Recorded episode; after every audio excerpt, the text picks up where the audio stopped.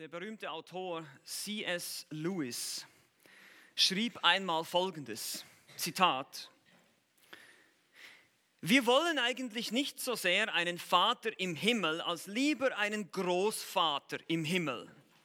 Ein seniler Wohltäter, der, wie gesagt wird, es mag, wenn junge Menschen sich amüsieren und dessen Plan für das Universum einfach nur ist, dass man am Ende jeden Tages tatsächlich gesagt werden kann, alle hatten eine gute Zeit. Zitat Ende.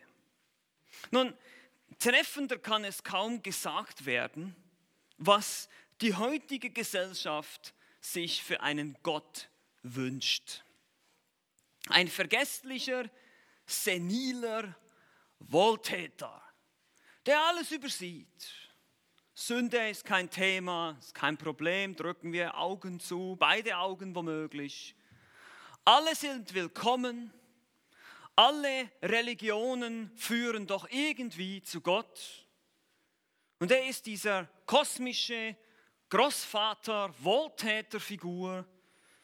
Auf keinen Fall würde er je irgendeinen Menschen in die Hölle schicken, geschweige denn irgendwas anderes tun. Und das ist heute auch so, selbst unter Evangelikalen, ich staune immer wieder, oder unter der sogenannten, in der sogenannten Evangeli evangelischen Kirche, wir hatten jetzt den Kirchentag kürzlich, wie Gott als ökumenisch gesinnt dargestellt wird. Und wir sind alle im Dialog mit den Muslimen vor allem auch noch. Und wir suchen den Dialog und wir suchen alle Gott und Gott sieht uns, das war das Motto des Kirchentages. Aber wir vergessen dabei, wir vergessen dabei, was Gottes Wort wirklich sagt, was die Bibel tatsächlich sagt. Jede falsche Vorstellung von Gott, jede falsche Darstellung von Gott ist Götzendienst. Es ist Götzendienst. Alles, was da gemacht wird, das meiste davon, diesem Kirchentag, war Götzendienst. Müssen wir uns vorstellen. Warum?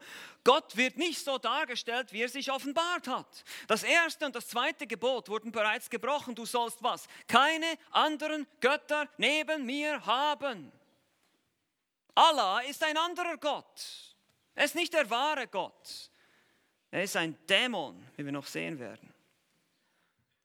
Und Götzendienst ist aber nicht nur da, wo wir falsche Götter anbeten oder uns von irgendwelchen Statuen niederwerfen. Wir denken vielleicht, ja, das betrifft uns ja nicht. Götzendienst beginnt in unserem Herzen. In Hesekiel Kapitel 14, Vers 3 heißt es, Menschensohn, diese Männer haben ihre Götzen in ihrem Herzen aufkommen lassen.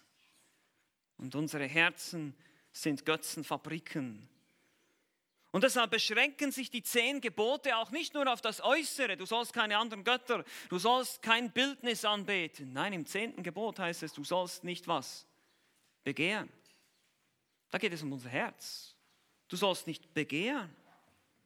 Und wir sollen nicht denken, nur weil wir heute keine Statuen mehr anbeten, weil wir uns nicht niederwerfen vor irgendwelchen Götzenbildern, so wie das teilweise noch in gewissen Kulturen in fernöstlichen Ländern zum Beispiel gemacht wird, sollen wir nicht denken, wir sind frei davon.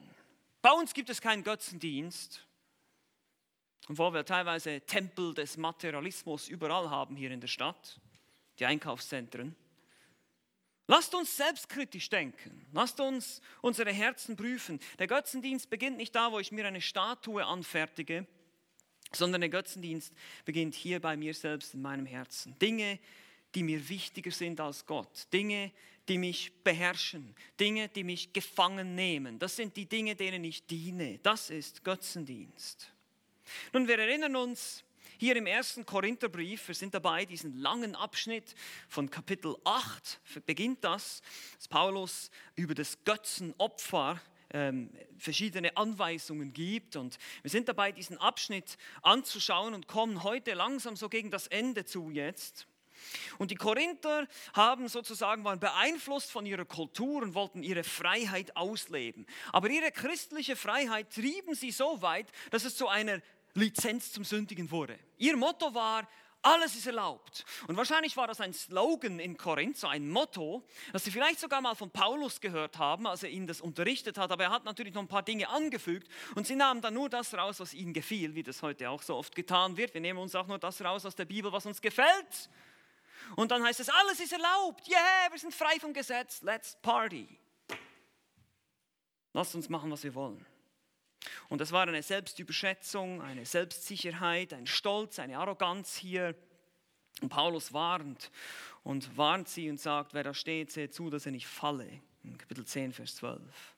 Paulus fügt sein Beispiel ein in Kapitel 9. Er zeigt ihnen, wie er selber viele, viele Freiheiten hatte als Apostel, aber diese Freiheit nicht einfach grenzenlos ausübte, sondern wie eben die Liebe der, der Freiheit Grenzen setzte und wie er sich selber mit einem Sportler vergleicht, der verzichtet, der sich selber diszipliniert, damit andere gerettet werden, damit andere zum Evangelium kommen, damit andere nicht, dass es nicht ein, Stol dass er nicht ein Stolperstein wird für andere Menschen, die sich vielleicht ein Gewissen machen über bestimmte Dinge wie zum Beispiel das Verzehren dieses Götzenopferfleisches, was damals ganz, ganz äh, großer, äh, großer Teil der Kultur war. Es ist, Fleisch wurde den Götzen geopfert, aber die Götzen, die können das ja nicht essen, also wird es dann wieder runtergenommen und auf dem Fleischmarkt verkauft. Und da haben dann einige sich ein Gewissen gemacht, da ist noch irgendwie so ein, so ein Geist drin und der kommt dann in mich rein, wenn ich dieses Götzenopferfleisch esse. Und einige haben gesagt, nein, wir sind doch frei. Und so gab es Diskussionen, die einen haben die anderen ausgelacht, ja, du musst erstmal noch richtig erkennen. Und Paulus muss dieses Chaos hier ordnen und er muss ihnen auch aufzeigen, dass sie in der Gefahr stehen, wenn sie so viele Freiheiten sich nehmen, tatsächlich in den Götzendienst zu verfallen, tatsächlich in Sünde zu fallen. Wie es schon bei der Unmoral in Kapitel 6 der Fall war. Wir sind so frei, wir können sogar zu Prostituierten gehen, das ist völlig egal, können wir machen. Paulus sagt, Moment, das geht nicht, ihr müsst Gott auch in eurem Körper verherrlichen, nicht nur in eurem Geist. Ihr dürft es nicht trennen voneinander, wie das die Griechen tun. Und so spricht er in Kapitel 10 die Irrtümer der Mitläufer an. Mitläufer sind Menschen, die denken, sie sind dabei, weil sie ein bestimmtes Ritual mitgemacht haben. Ja, sie haben vielleicht das Mahl des Herrn eingenommen, so wie die Korinther auch, aber in völlig unwürdiger Art und Weise, wie wir noch sehen werden. Sie wurden vielleicht getauft. Sie zählen sich zur Kirche dazu, zu einer Gemeinde. Ich bin ja Teil einer Gemeinde.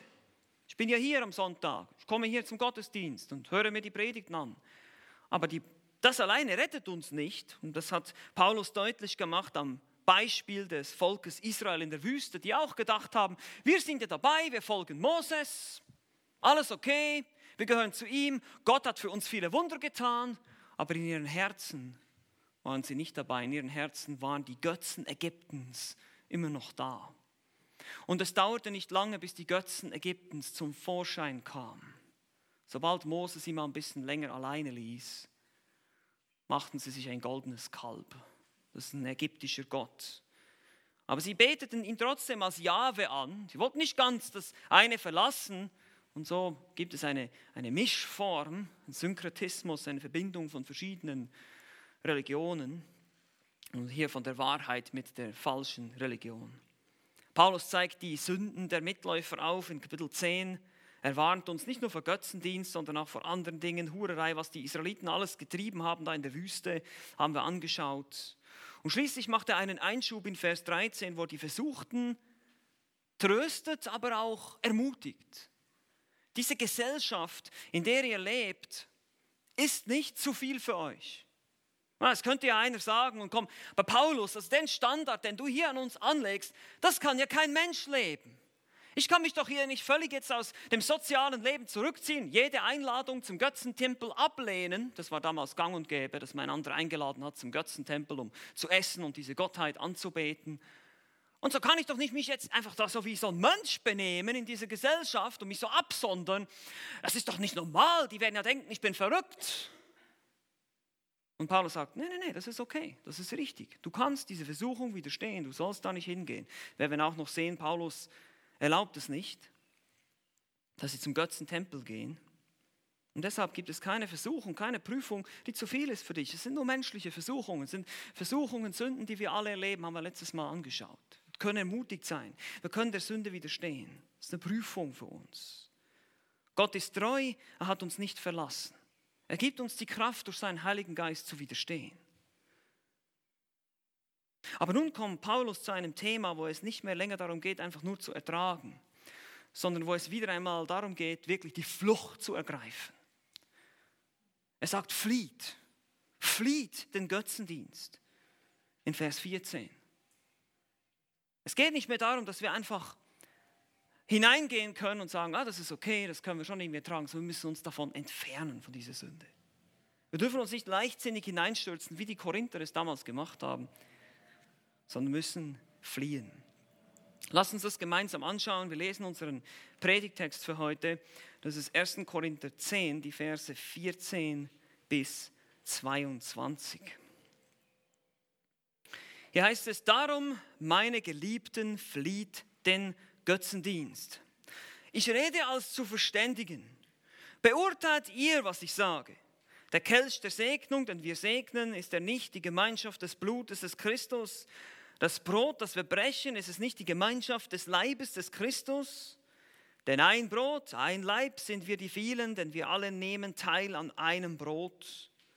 Seht auf Israel nach dem Fleisch. Sind nicht die, welche die Schlachtopfer essen, in Gemeinschaft mit dem Altar? Was sage ich nun? Dass ein Götzenopfer etwas sei oder dass ein Götzenbild etwas sei? Sondern dass das, was die Nationen, oder besser hier sie opfern, sie den Dämonen opfern und nicht Gott. Ich will aber nicht, dass ihr Gemeinschaft habt mit den Dämonen. Ihr könnt nicht des Herrn Kelch trinken und den Dämonenkelch. Ihr könnt nicht des Herrn Tisches teilhaftig sein und des Dämonentisches. Oder reizen wir den Herrn zur Eifersucht? Sind wir etwa stärker als er? Bis hierher. Und das Thema, wie schon gesagt, hier ist ganz, ganz stark in, die, in den kulturellen Hintergrund von Korinth verwurzelt. Wir, wir sehen schon die Sprachen, äh, die, die, die Anweisungen, die Paulus hier gibt, die sind sehr spezifisch, beziehen sich auf den Götzentempel, das Götzenopferfleisch. Und wie gesagt, wir müssen uns vorstellen, dieser Götzendienst, diese Tempel, die es überall gab, von diesen verschiedenen griechischen Göttern. Und da wurden Festmale abgehalten und das waren richtige Fressorgien, Entschuldigung, ich muss das so sagen, und auch, und auch Orgien mit sexueller Ausschweifung. Das waren wirklich richtige ausschweifende Partys, die da gefeiert wurden im Namen und zur Ehre dieser Götzen. Und das war Teil ihrer Kultur. Und so wurden die Christen natürlich hier vor eine Herausforderung gestellt. Das war Teil ihres Lebens, ihr Leben lang. Es war einfach ganz normal, so wie auch die sexuelle Unzucht oder die Unzucht, die, die, die, den Gang zu Prostituierten. Das war auch ganz normal Teil ihrer Kultur. So war das auch hier. Dieses Götzen, diese Götzen, diese, ihnen zu dienen, sich hier niederzubeugen und sie mussten jetzt eine Entscheidung treffen. Und wir denken eben, deshalb denken wir vielleicht, wir sind in der Versuchung und sagen, naja gut, das hat ja nicht viel mit mir zu tun. Ich meine, wir haben hier jetzt keine Buddha-Tempel oder irgendwas und wir werden jetzt wahrscheinlich auch nicht dahin gehen und in der Gefahr stehen, oh, ich möchte jetzt wirklich mal gerne zum Buddha-Tempel, da mich vor dem Buddha niederwerfen. Ich glaube nicht, dass jemand von uns diese Versuchung erlebt zurzeit. Ich weiß es nicht. Vielleicht haben wir ehemalige Buddhisten unter uns hier. Aber wir denken vielleicht, ja, das, pff, was hat das jetzt mit mir zu tun? Nun, wie gesagt, ich möchte euch daran erinnern, dass Götzendienst in unseren Herzen beginnt. Und vielleicht wollen wir die Prinzipien, die wir hier sehen, die der damaligen Kultur, die Paulus hier auf diese spezifische Problematik in Korinth anwendet, diese eigentlich abschreckenden Wahrheiten über Götzendienst, die er ihnen hier vor Augen malt, die können wir auch in unsere Kultur heute übersetzen. Wir müssen einfach nur erstmal darüber nachdenken, was ist denn unser Götzendienst heute? Und ich möchte euch jetzt hier mal einen ganz kurzen Überblick geben, was die Bibel alles als Götzendienst bezeichnet. Einfach, dass wir auch in unserem Leben ein bisschen kritischer sind und nicht denken, Gott, das betrifft mich nicht, sondern dass du ganz klar sehen kannst, es betrifft mich sehr wohl. Wir sind alle Götzendiener. Wir werden es gleich sehen. Also, erstens, Nummer eins, ein bestimmtes Bild anbeten. Das ist erstmal ein ganz klarer Punkt, den wir nicht mehr länger ähm, bearbeiten müssen.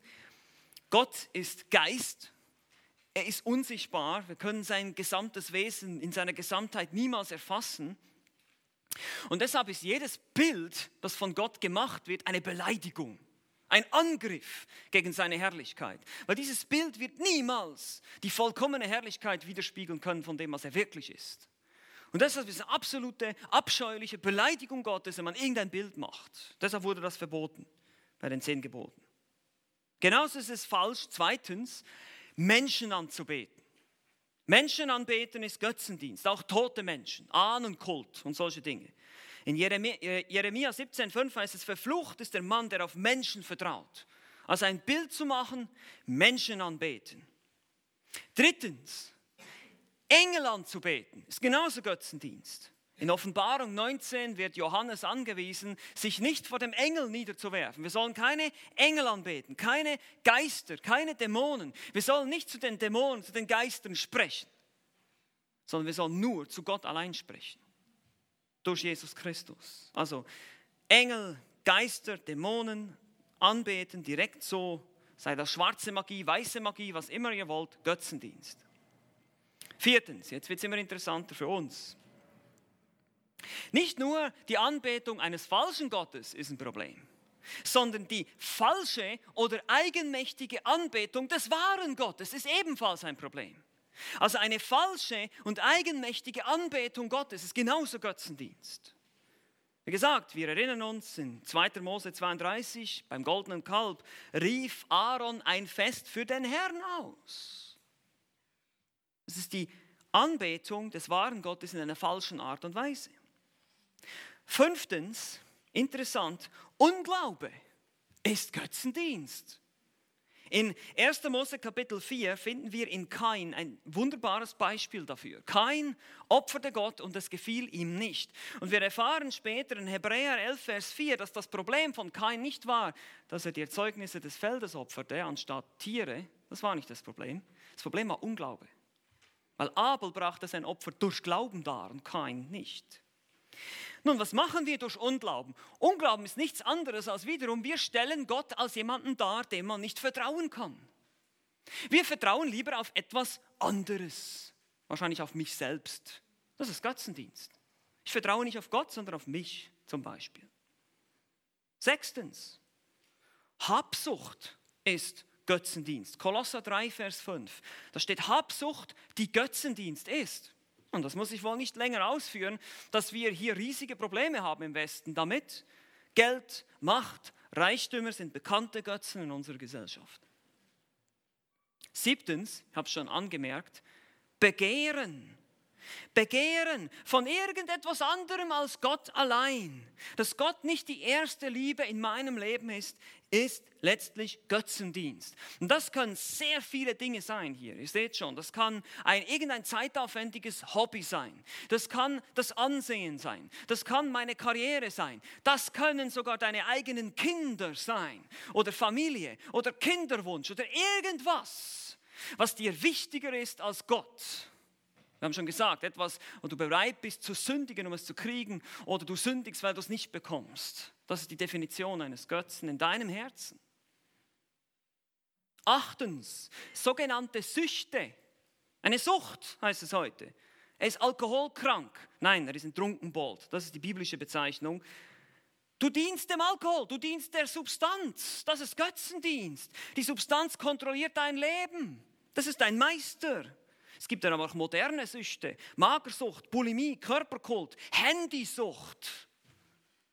Ja, das ist kein Witz heute, da wird darüber diskutiert. Und ja, man sind handysüchtig. Nein, das ist Götzendienst. Das sind unsere technologischen Götzen, die wir uns selber schaffen. Und da wird zum Beispiel der menschliche Körper, die Traumfigur oder solche Dinge werden zum ersten Liebe. Das muss ich erreichen. Das ist mein Ziel. Das, dem diene ich. Was immer dich kontrolliert, überleg mal, was immer dich kontrolliert, was immer dich antreibt, ist dein Götze. Das ist ganz wichtig. Und deshalb lass uns die Frage stellen, was treibt mich an? Was motiviert mich morgens aufzustehen? Was treibt mich an? Was, was ist wirklich meine Freude? Wo ist wirklich mein Herz? Jeder muss sich hier selber prüfen. Neuntens, das haben wir auch schon angeschaut, Unzucht ist ebenfalls Götzendienst. Hier dient man einfach der sexuellen Erfüllung als Götze. Und Paulus macht es auch deutlich, dass man unter die Autorität sozusagen, unter die Macht der Prostituierten kommt, wenn man sich ihr, ihr hingibt, sagt er in Kapitel 6. Und in Kapitel 7 soll eben die Ehefrau diese Macht über den Körper des Mannes haben und umgekehrt. Also wir geben uns dieser Lust hin. Und diese Lust hat Kontrolle über uns und das ist wiederum ein Götze, dem ich diene. Also es gibt sehr viele verschiedene Götzen, wie ihr sehen könnt. Und deshalb möchte ich, dass wir jetzt diese Prinzipien, die wir hier lernen aus diesem Text, natürlich erstmal in der Kultur von damals verstehen, aber dann auf, auf unser persönliches Leben anwenden. Und Paulus gibt uns hier heute fünf abschreckende Wahrheiten über Götzendienst, damit du dem wahren Gott treu bleibst. Fünf abschreckende Wahrheiten über Götzendienst. Und lasst uns die einfach durchgehen und uns selber prüfen, immer die Frage stellen, verstehe ich das wirklich? Verstehe ich, wie gräulich, wie abscheulich die Dinge sind, die ich vielleicht tue in meinem Leben? Die ich jetzt, vielleicht jetzt schon als Götzendienst erkannt habe. Die Dinge, die mich kontrollieren, die mich antreiben, die mich versklaven vielleicht im Moment. Und wir werden am Schluss noch ein paar praktische Schritte auch anschauen, wie wir uns davon freimachen. Mit der Hilfe des Herrn natürlich können wir nicht alleine. Also fünf abschreckende Wahrheiten. Erstens, Götzendienst ist äußerst gefährlich. Das ist mal das Erste hier. Wir müssen erstmal die Gefahr verstehen. Ist wieder, wir haben damals auch bei der Unzucht darüber gesprochen. Wir müssen die Gefahr richtig einschätzen. Wir dürfen es nicht locker nehmen, wir dürfen nicht leichtsinnig dahin gehen. Paulus sagt in Vers 14, darum meine Geliebten, flieht den Götzendienst. Nun, das ist wie gesagt, das Wort fliehen hier, Fugo, rette sich wer kann. Renn um dein Leben. Das ist die Idee hier. Das ist ein Präsens-Imperativ. Tu das beständig. Fliehe beständig weg davon. Hör nicht auf damit. Und wenn du nämlich damit aufhörst, dann fällst du wieder rein. Wir müssen ständig fliehen, ständig den Götzendienst fliehen, weg davon. Lass uns weit wegrennen von den Götzen. Hier sehen wir schon die, die Parallele auch zwischen Götzendienst und Unzucht. Wir können hier nicht widerstehen, wir können hier nicht einfach kämpfen, wir müssen fliehen, wir müssen die Flucht ergreifen. Das ist die erste Strategie. Es ist sehr, sehr gefährlich, sonst würde Paulus uns nicht hier das sagen. Götzendienst müsst ihr euch vorstellen wie radioaktiven Abfall. Ja, wenn ihr irgendwo in einem Gebiet seid und, und da ist radioaktiver Abfall oder da ist ein Atomreaktor explodiert, was geschieht? Sofort alles evakuieren, alle Menschen rennen um ihr Leben, bloß weg. Sonst wirst du vergiftet und kontaminiert davon. Und so müssen wir Götzendienst sehen. Oder vielleicht ein brennendes Haus. Du stehst mitten in einem brennenden Haus, das ist der Götzendienst. Du fließt um dein Leben, du rennst raus. Du bleibst nicht einfach stehen und sagst, hey, ja, mal gucken, wie nahe ich noch an die Flammen rangehen kann. Nein, das ist Unsinn. Das würde kein Mensch tun, aber wir tun das manchmal mit unserer Sünde, das ist das Problem. Wir sind naiv. Wir denken, ja, ich bin stark, ich schaffe das schon. Ich habe damit kein Problem, ich kann das schon. Kann da schon ein bisschen damit rumspielen. Nein, können wir nicht. Paulus macht das deutlich, wer da steht, er sieht zu, dass er nicht was? Falle. Vers 12.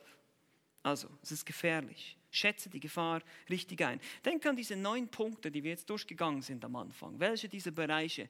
In welchem von diesen Bereichen spielst du vielleicht ein bisschen herum mit dem Feuer? Und schätzen vielleicht die Gefahr nicht richtig ein. Denken, ah, das ist nicht so schlimm. Und rationalisieren und entschuldigen.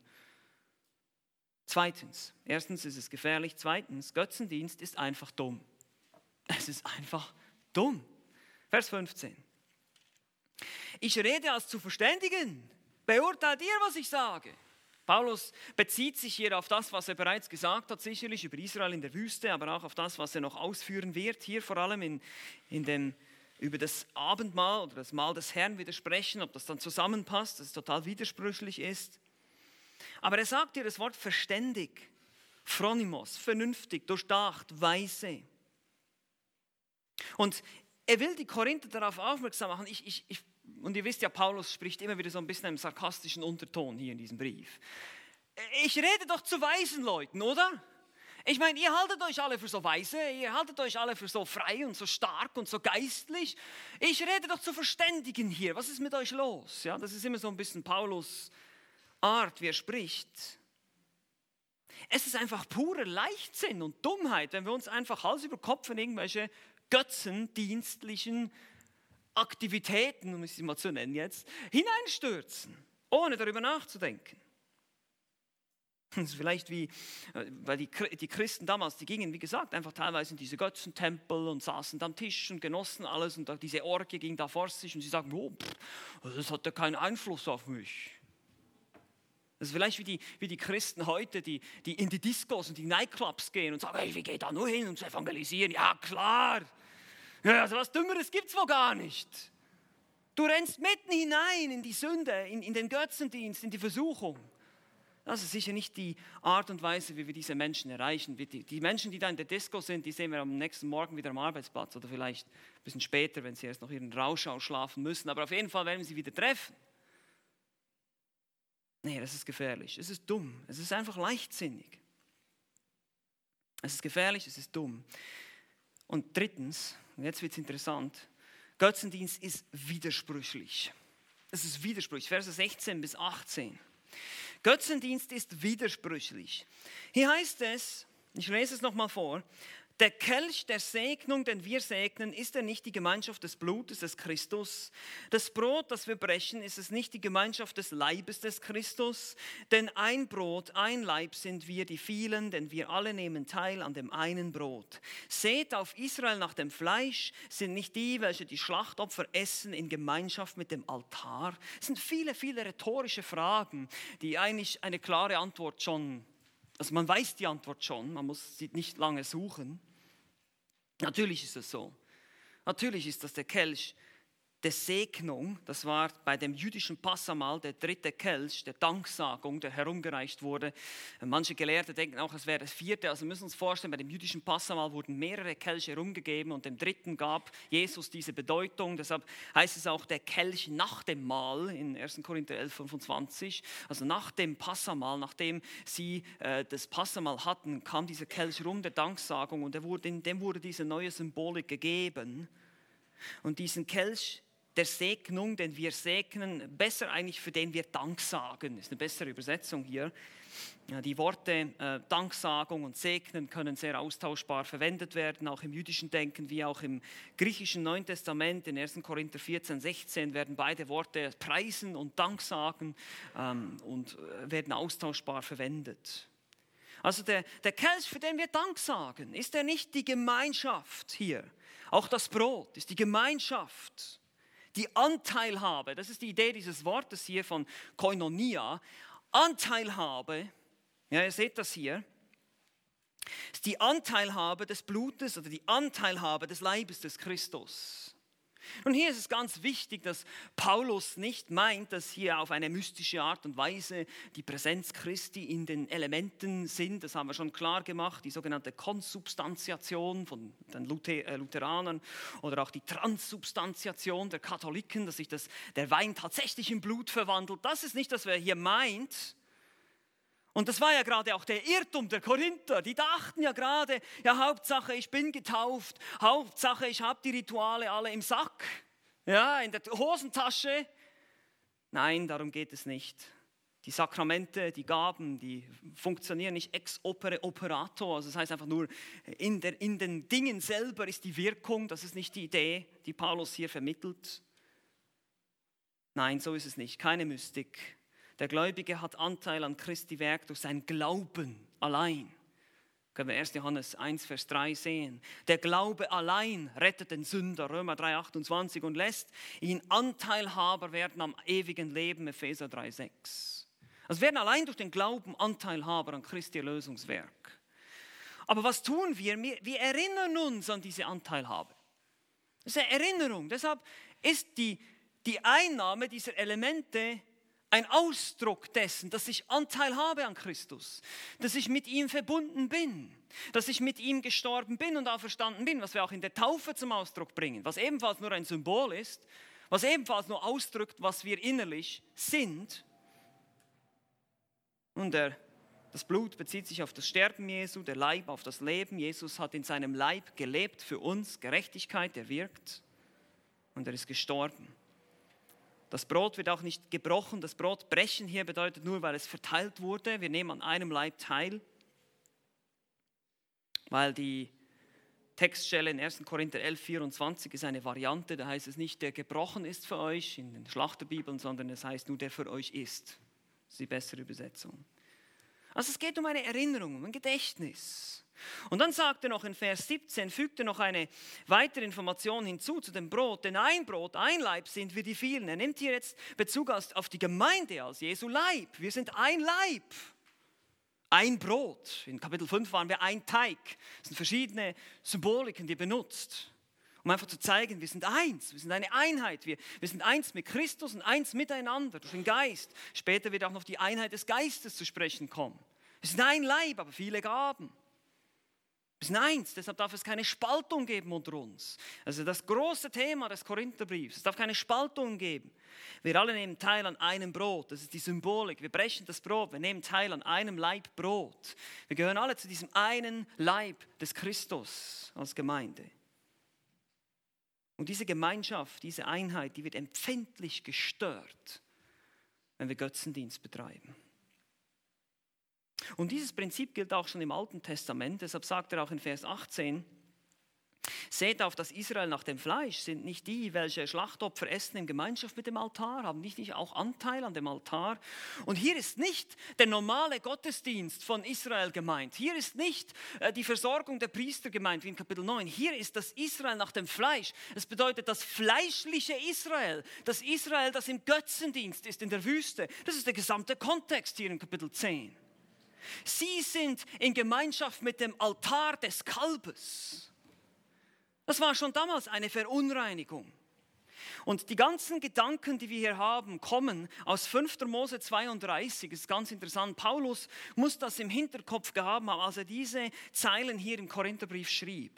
Ich lese euch das mal nur vor, aus 5. Mose 32. Da geht es ebenfalls um diese Sünde in der Wüste, das goldene Kalb. Hier heißt es, da wurde Jeschurun, das ist ein Ausdruck für Israel, da wurde Jeschurun fett und schlug aus. Du wurdest fett, dick, feist. Und er verließ Gott, der ihn gemacht hatte, und verachtete den Felsen seiner Rettung. Sie reizten ihn zur Eifersucht durch fremde Götter, durch Gräuel erbitterten sie ihn. Sie opferten den Dämonen, die nicht Gott sind, Göttern, die sie nicht kannten, Neuen, die vor kurzem aufgekommen waren, die eure Väter nicht verehrten. Den Felsen, der dich gezeugt hat, vernachlässigst du und vergaßest den Gott, der dich geboren hat. Das ist 5. Mose 32, die Verse 15 bis 18. Vielleicht habt ihr es schon rausgehört. Der Felsen, den haben wir schon angetroffen in Kapitel 10, ganz am Anfang. Der Felsen, der ihnen folgte durch die Wüste, der sie versorgte. Dass sie Gott zum Eifersucht reizen, werden wir auch noch sehen in Kapitel 10, Vers 22. Und eben auch in Vers 20. Der Vers 20 enthält ein wörtliches Zitat aus 5. Mose 32, wenn man die Textvariante die Nationen weglässt. Das ist in den besten Manuskripten nicht enthalten. Sie opferten den Dämonen, haben wir gehört. Das ist das, was Paulus hier Bezug nimmt. Er spricht immer noch von diesem warnenden Beispiel von Israel in der Wüste. Israel im Götzendienst damals, sie opferten dem Kalb und sie bauten einen Altar, heißt es in, 5, äh, in 2. Mose 32. Aaron baute einen Altar, er rief ein Fest für den Herrn aus. Sie opferten Brandopfer und Friedensopfer dem Kalb. Nach dem Gesetz Mose oder wie oder was? Sie hatten sündige Gemeinschaft mit dem Altar.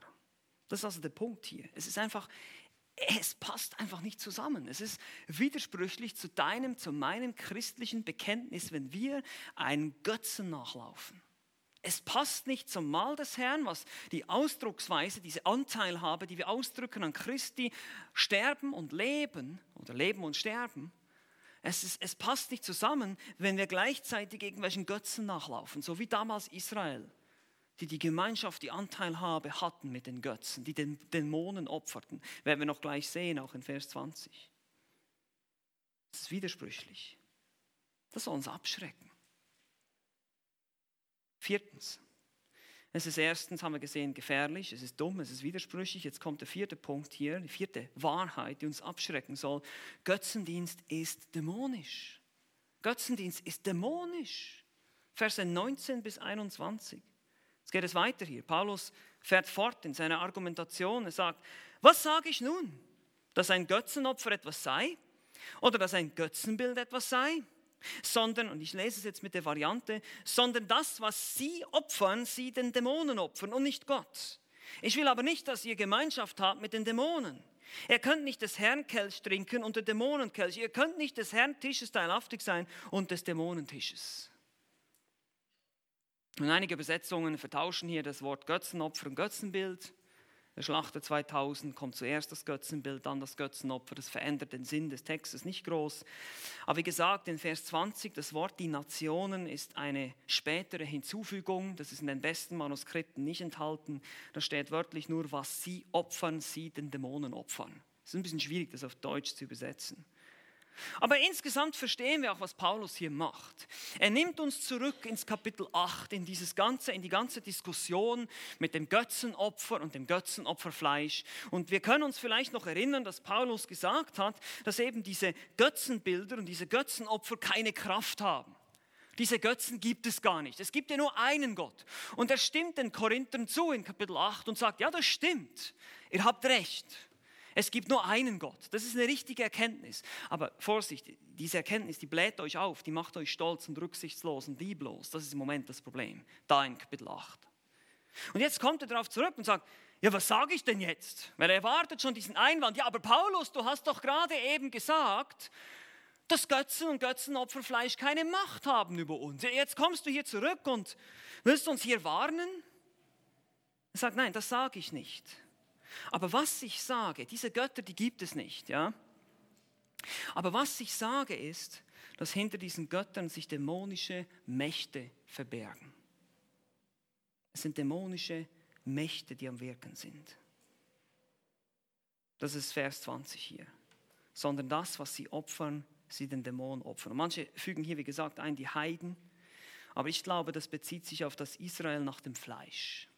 Wie gesagt, wir haben dieses dieses Lied Moses, 5. Mose 32, das Paulus im Hinterkopf hatte und was da geschah, die, die Israeliten opferten diesen Götzen, die eigentlich Dämonen waren, sie veranstalteten dieses Fest, sie reizten Gott zur Eifersucht.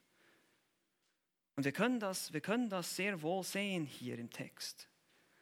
Wenn wir Vers 18 und 20 so zusammenlesen im Kontext, ich mache das jetzt mal für euch hier, und Vers 19 als Einschub auslassen, das ist nämlich nur so ein Einschub, eine Erklärung, dann hört sich das so an. Vers 18, seht auf das fleischliche, sündige Israel. Sind nicht die, welche die Schlachtopfer essen in Gemeinschaft mit dem Altar, Vers 20, sondern das, was sie opfern, Israel, sie den Dämonen opfern und nicht Gott. Hier sehen wir ganz klar, wenn, wenn das Volk Gottes, dass die Heiden äh, Götzendienst betreiben, das ist ja nichts Besonderes. Aber wenn wir, wenn das Volk Gottes beginnt, den Götzen nachzulaufen, dann opfern wir ebenfalls den Dämonen. Und das ist das Problem hier. Das ist, was Paulus anspricht. Das ist das, was nicht geht. Das ist das, was wir nicht tun können.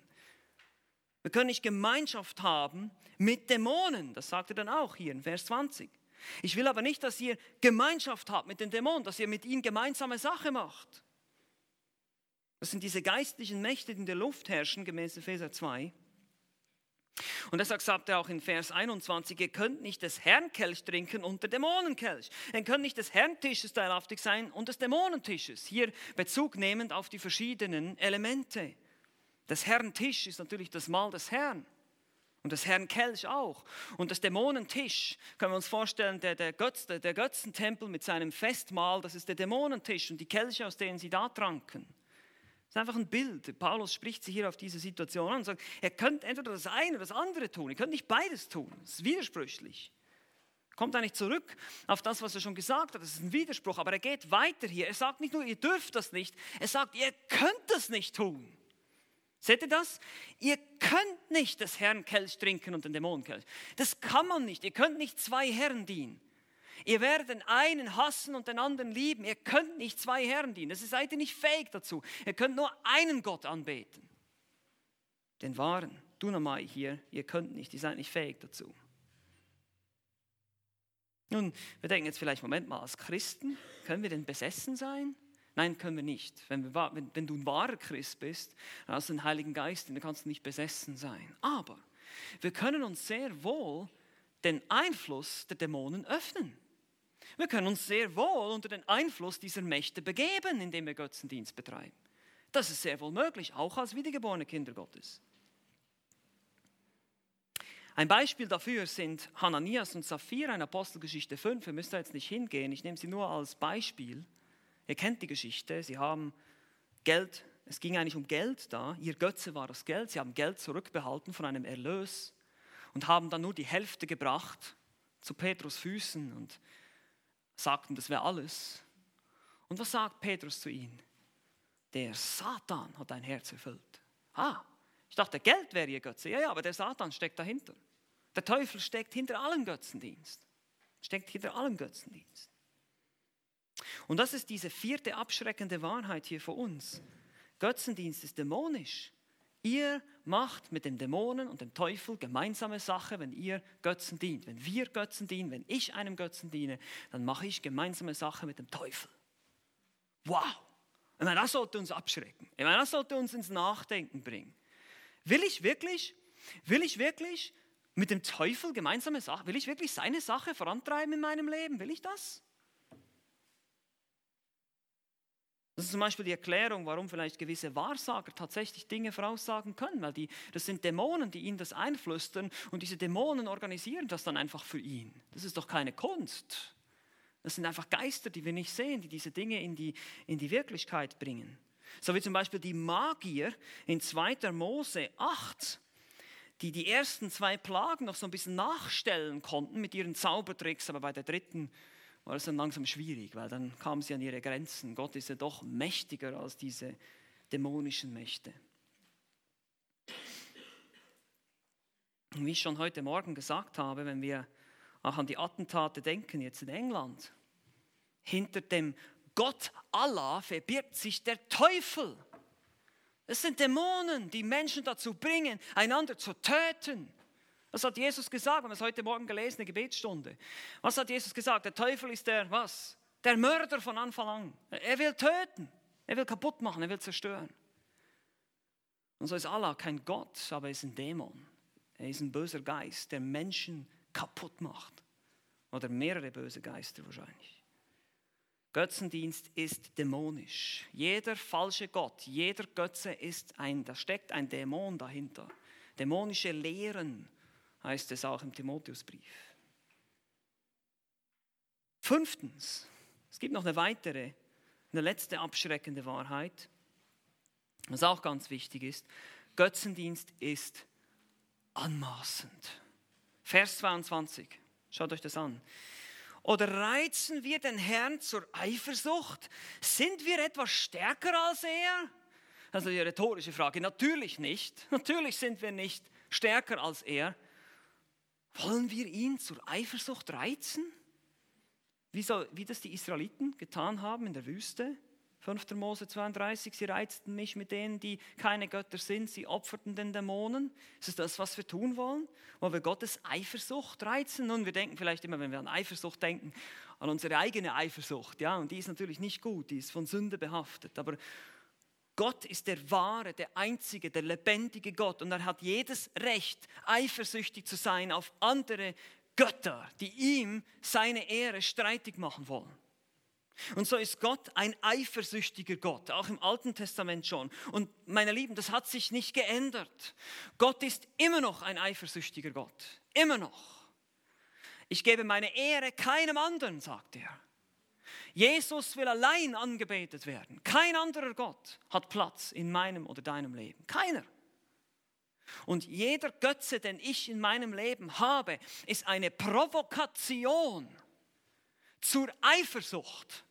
Gott wird eifersüchtig auf deinen Götzen und er wird ihn dir wegnehmen. Glaub mir das. Er wird uns nicht einfach so, weil er uns liebt, wird er uns nicht einfach so unsere Götzen haben lassen. Und Götzen aus unserem Leben zu entfernen, tut manchmal sehr weh. Aber er wird alles tun, um diese Götzen aus meinem Leben zu entfernen, auch wenn es weh tut. Weil es richtig ist und weil es wichtig ist für mich oder auch für dich. Deshalb, auch wenn du manchmal leidest oder Schwierigkeiten hast, belege dir gut, könnte es sein, dass Gott daran ist, einen Götzen aus meinem Leben zu entfernen. Weil er muss ihn hinausschneiden aus meinem Herzen. Das tut weh. Ja, das tut richtig weh. Ich weiß, tut sehr weh. Ich hatte viele Götzen, die er aus meinem Herzen schneiden musste und das hat immer weh getan. Aber es ist gut für mich, es ist gut für dich. Es ist ein Angriff auf Gottes Ehre. Es ist eine direkte Beleidigung seiner königlichen Würde, wenn wir irgendwas anderes mehr verehren als ihn. er ist eifersüchtig und er gibt seine Ehre keinem anderen. Wie gesagt, in 5. Mose 32, sie haben mich zur Eifersucht gereizt durch Nichtgötter, durch Nichtigkeiten, sagt er, wertlose Götter. Es ist anmaßend. Wir fordern Gott heraus. Und Paulus fragt hier, wollen wir das wirklich tun? Frage dich, sollte ich das wirklich tun? Will ich das? Will ich Gott herausfordern? Bin ich stärker als er? Die Antwort liegt auf der Hand, natürlich nicht. Also wir haben diese fünf abschreckenden Wahrheiten, aber die Frage ist jetzt natürlich, okay, wie machen wir das jetzt? Äh, wie, wie gehen wir vor gegen Götzendienst? Und ich möchte euch einfach noch vier praktische Schritte geben, vier Anwendungen jetzt, wo wir ganz praktisch werden in unserem Leben, wo du in deinem Leben selber, für dich selbst, mach das in der stillen Kammer, mach das, setz dich hin, bete und überlege dir gut, wo ist mein Götze? Hier sind die vier Schritte. Erstens, identifiziere die Götzen in deinem Leben. Du musst erst mal wissen, was ist es überhaupt bei mir? Oder wo sind sie? Was ist mein Götze? Welche Dinge liebe ich mehr als Gott? Wofür bin ich bereit zu sündigen, um es zu bekommen oder sündige, wenn ich es nicht bekomme? Und das kann alles Mögliche sein. Es können Dinge sein, ein bequemes Leben, Wünsche, Essen, Ansehen, alles Mögliche. Ich habe das vom Anfang gesagt. Ich muss sie identifizieren, ich muss sie formulieren, ich muss mir überlegen, was ist wirklich, ich muss in mein Herz sagen, okay, was will ich wirklich? Habe ich vielleicht falsche Vorstellungen von dem wahren Gott? Kann das, kann das ein Problem sein? Erwarte ich falsche Dinge von ihm? Das ist auch Götzendienst. Was regiert mich? Was kontrolliert mich? Was nimmt mich gefangen? Vielleicht ist es deshalb, dass wir heute so viele laue Christen haben. Oder vielleicht ist es deshalb, dass wir auch oft das Problem haben, dass Leute die Gemeinde nicht regelmäßig besuchen, weil sie irgendetwas anderem dienen. Weil ihre erste Liebe gar nicht Christus ist, sondern irgendwas anderes. Sie laufen ihrem Götzen nach. Frage dich selbst, läufst du einem Götzen nach? Oder interessierst du dich wirklich? Hast wirklich ein brennendes Verlangen, Gott allein und ihm allein und ihn allein zu lieben, von ganzem Herzen, ganzer Seele, ganzer Kraft? Ist das mein Verlangen? Es geht hier nicht um Gesetzlichkeit, es geht hier um meine Hingabe. Was oder wem gebe ich mich hin? Dessen Sklave bin ich geworden. Und wir wollen Sklaven Christi sein, oder? Und nicht Sklaven von anderen Dingen. Das ist das Erste, identifiziere es. Sei, ich sage immer, sei hart mit dir selbst, geh hart mit dir ins Gericht, sei nicht, sei nicht zu locker. Ich will, ich will nicht locker sein mit mir. Wenn es um diese Dinge geht, will ich ganz, ganz ehrlich sein vor dem Herrn und mich prüfen und beten im Gebet, mich prüfen. Sagen, Herr, zeige mir meine Götzen, hilf mir. Ich sehe es vielleicht gar nicht, ich bin vielleicht total blind. Du musst mir das zeigen. Und dann liest du sein Wort und plötzlich erkennst du, boah, oh, was ist denn da bei mir los? Das ist der erste Schritt, identifiziere sie. Zweitens, Denke über die abschreckenden Wahrheiten nach, was wir jetzt gerade gehört haben. Denke mal länger darüber nach. Denke daran, dass Götzendienst gefährlich ist. Hast du die Gefahr richtig eingeschätzt? Du ziehst den Zorn Gottes auf dich, die Züchtigung Gottes. Es könnte dich töten. Es ist dumm. Götzen versprechen euch etwas. Götzen versprechen uns etwas. Aber sie werden nie liefern, was sie versprechen. Nie. Es wird immer leer sein am Ende. Du wirst leer ausgehen. Immer. Es wird dir nie Befriedigung geben. Was immer du dir erhoffst von diesem Götzen, es wird dich nicht befriedigen. Niemals. Und wir müssen das verstehen. Es ist dumm, diesen Götzen nachzulaufen, weil sie sind tot, sie sind unfähig, sie sind nicht lebendig, sie können uns nicht helfen. Es ist widersprüchlich, es widerspricht meiner Berufung als Christ wie gesagt, Paulus verdeutlicht das hier mit dem Mahl des Herrn. Du kannst nicht den Kelch des Herrn und den Kelch der Dämonen trinken. Es ist dämonisch. Wir öffnen uns dämonischen Mächten. Wir geben dem Teufel Raum in unserem Leben, wenn wir Götzen nachjagen. Wir fordern Gott heraus. Wir machen Gott eifersüchtig auf unseren Götzen. Ich bin wie ein untreuer Ehepartner. Ja, der, und Gott, mein Ehemann, wird eifersüchtig. So muss ich mir das vorstellen. Nun, ich identifiziere die Götzen, ich denke über diese abschreckenden, was muss ich dann tun? Was denkt ihr, was müssen wir tun? Drittens, tu Buße. Ja, denkst du vielleicht, oh, das ist ja viel zu simplistisch, äh, wie sagt man, viel zu einfach, simplizistisch hier. Tu Buße. Ja, genau. Tu Buße. Kehr um. Das ist das, was Paulus sagt. Fliehe den Götzendienst. Renn weg. Tu Buße. Renn weg davon. Hör auf damit. Hör auf. Warum kann Paulus das sagen? Nun, Paulus kann das sagen, weil du und ich, wir haben den Heiligen Geist, oder? Haben wir doch, oder nicht? Wir haben alle den Geist Christi, wir haben alle die Kraft Gottes in uns. Und deshalb kann er zu uns sagen, hör auf. Hör auf damit, diesen Götzen nachzulaufen. Hör einfach auf. Warum? Keine Versuchung ist zu stark. Wir erinnern uns, Vers 13, Gott versucht uns nicht über unser Vermögen. Es ist nicht zu stark, es ist nicht zu viel, du kannst das. Das ist das, was er gerade eben gesagt hat in Vers 13. Und jetzt fordert er diese Korinther auf. Und, und, und diese Korinther, die so, die so, ihr Leben war so ein, verwoben in diese Kultur. Und jetzt heißt es, ihr müsst jetzt den Götzendienst fliehen, ihr müsst da raus. Und für diese Leute bedeutete das, wir können uns das nicht vorstellen, was das für sie bedeutete. Dieses Leben, vielleicht müssen uns, wir müssen uns wirklich... Ähm, wir müssen uns jemanden vorstellen, der wirklich alle Unmoral, die man nur begehen kann, begehen, begangen hat. Ein Mensch, der getrunken, Drogen, was immer ihr euch, was euch einfällt, was an schlimmen Dingen, lüderliches Leben, Faulheit, keine Disziplin, alles Mögliche, absolute Mess, würde man sagen im Englischen, absolute Chaosleben geführt hat. Und jetzt muss er alles, alles aufhören. Alles muss er aufhören von diesen Dingen. Geht nicht passt nicht mehr zu dir. Du bist keine diese alte Kreatur, du bist eine neue Kreatur. So wurde, so ging es den Korinthern, so geht es vielleicht dir. So geht es vielleicht einigen von uns immer wieder. Kehre um. Und jetzt kommt's, vierter Punkt, ganz, ganz wichtig. Wir können nicht nur umkehren, wir können nicht nur fliehen von den Götzen, wir müssen auch am richtigen Ort hinfliehen zum Herrn. Und deshalb erneuere deine Hingabe zum wahren Gott. Es geht natürlich nicht ohne. Wir können nicht das eine aufhören und dann einfach im Vakuum bleiben, sondern wir müssen es ersetzen. Das ist das Ersatzprinzip. Epheser 4 heißt es ganz deutlich, legt die Gewohnheiten des alten Menschen ab, lasst euch, also ihr habt sie abgelegt, dann lasst euch erneuern im Sinne und ihr habt den neuen Menschen angezogen und deshalb lebt jetzt so. Legt diese Gewohnheiten ab und lebt in einem neuen Leben. Hört auf zu lügen, redet die Wahrheit, hört auf zu stehlen, geht arbeiten, um anderen abzugeben und so weiter. Epheser 4, ihr könnt das ganze Kapitel mal durchlesen. Das ist genau dieses Prinzip. Wir fliehen weg vom Götzendienst und fliehen hin zum wahren Gott. Wo fliehen wir denn hin? Nun, Gott hat uns Gnadenmittel gegeben. Jeden von uns. Dir, mir. Wir haben alle dieselben. Ich habe schon gesagt, wir haben alle, denselben Geist, denselben Heiligen Geist. Wir haben alle dasselbe Leben bekommen. Wir glauben alle an denselben Christus. Es ist ein Glaube, eine Taufe, ein Geist. Wir haben alle dieselbe Kraft. Keiner ist weniger befähigt von uns. Wir haben alle dasselbe Wort Gottes. Ihr flieht ins Wort. Ihr beginnt neu das Wort Gottes zu lesen mehr zu lesen, zu studieren, zu meditieren, darüber nachzudenken. Ihr flieht ins Gebet, nächste Gnadenmittel. Ihr betet, ihr fleht, ihr betet, ihr macht das mal ganz konsequent.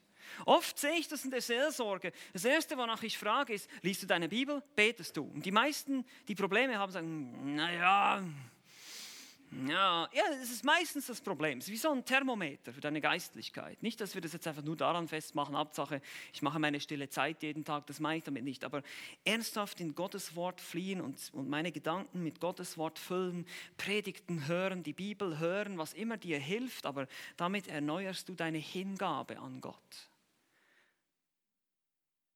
Fliehe ins Gebet, glaube, gehorche, tue was, tue, was Gott sagt. Erneuere deine Hingabe an den wahren Gott. Und dann werden diese Götzen der Welt immer mehr verblassen. Je mehr du die Herrlichkeit Christi siehst in deinem Leben, desto mehr werden diese anderen Dinge, diese Vergnügungen der Welt oder was immer es ist in deinem Leben, was dich anfechtet, wird immer mehr verblassen. Das wird, seinen, das wird seine Anziehungskraft verlieren. Das ist gar nicht mehr so, so schön. Weil wir werden es durch die Brille von Gottes Wort sehen, wir plötzlich sehen, hinter diesem goldenen Kalb verbirgt sich ein hässlicher Dämon, eine hässliche Fratze, ja, ein schreckliches Monster, das dich fressen will. Das verbirgt sich hinter diesem Götzen. Und so wirst du die Dinge plötzlich sehen, wie sie wirklich sind. Oft sehen wir nur das Glänzende vorne, das Gold, das wunderbar. Uh, das sieht so gut aus. Könnt ihr euch erinnern im Garten Eden, die Frucht sieht so gut aus. Oh, ich kriege Lust nach ihr. Aber dann müssen wir dahinter, hinter diesen Vorhang schauen, hinter diese Verführung. Und wir werden, wenn wir das Wort Gottes in uns haben, wenn wir wirklich enge Gemeinschaft mit dem Herrn pflegen, werden wir die Hässlichkeit der Sünde erkennen. Und die Götzen werden ihre Anziehungskraft für dich verlieren. Und deshalb bitte ich dich einfach, dass du diese Erinnerung, diese abschreckenden Wahrheiten in die nächste Woche hineinnimmst, auch diese vier praktischen Schritte und das wirklich mal ganz praktisch für dich durcharbeitest und sagst, okay, ich werde das jetzt tun, ich werde und wenn du Hilfe brauchst damit, dann melde dich bei uns. Wir stehen zur Verfügung. Du kannst uns anrufen, die Pastoren, oder kannst dich an einen der Diakone wenden. Wenn du Hilfe brauchst, dann melde dich. Das ist ganz, ganz wichtig. Manchmal brauchen wir die Rechenschaft von jemandem. Manchmal müssen wir einen Bruder haben, der uns zur Seite steht und uns erinnert, hey, du wolltest doch aufhören damit, denke dran. Du wolltest doch aufhören mit diesem Götzen und uns ermutigt und für uns betet, ganz spezifisch jeden Tag betet und ringt im Gebet für uns. Lasst uns diese Gnadenmittel nutzen. Lasst uns nicht einfach das vorbeiziehen an uns. Wir haben diese Möglichkeiten. Wir können frei werden davon. Und dann wirst du sehen, wirst du, wenn du die Herrlichkeit Gottes siehst, werden diese Götzen immer mehr verblassen. Amen. Amen. Lass uns noch beten zusammen. Herr Jesus Christus, wir bitten das Gebet des Moses, lass uns deine Herrlichkeit sehen in deinem Wort. Wir wollen uns abwenden von unseren Götzen. Wir wollen nicht den Götzen dienen. Wir wollen diese abschreckenden Wahrheiten zu Herzen nehmen, die der Paulus den Korinthern gelehrt hat, die auch für uns gelten heute, die nichts an Aktualität verloren haben, auch für unsere heutige Gesellschaft, die brandaktuell sind, auch für uns, wie wir als Christen, als Kinder Gottes in einer abgefallenen heidnischen Umgebung leben können. Bitte hilf uns, Herr. Bitte hilf uns. Wir beten, dass du uns die Augen öffnest für die Wunder in deinem Gesetz, dass wir dein Wort mehr lieben, dass wir uns neu hingeben an dich, an dein Wort, an deine Wahrheit, weil du dich für uns gegeben hast. Herr Jesus, du bist gestorben, du hast alles gegeben für uns. Du hast die Herrlichkeit des Himmels verlassen und bist Mensch geworden, bist gestorben am Kreuz Du hast alles gegeben, dein ganzes Leben. Sollten wir nicht dir auch alles geben, was wir haben? Aber wir, wir erkennen, wie schwach wir sind. Wir erkennen, wie wir kämpfen, wie die Götzen in unserem Herzen immer wieder aufkommen wollen. Und so bete ich, dass du uns hilfst, diese, hilfst, diese Götzen niederzuschlagen, zu bezwingen in der Kraft deines Heiligen Geistes, damit wir dir befreit dienen können. Denn deine Wahrheit macht uns wirklich frei. In Jesu Namen beten wir. Amen.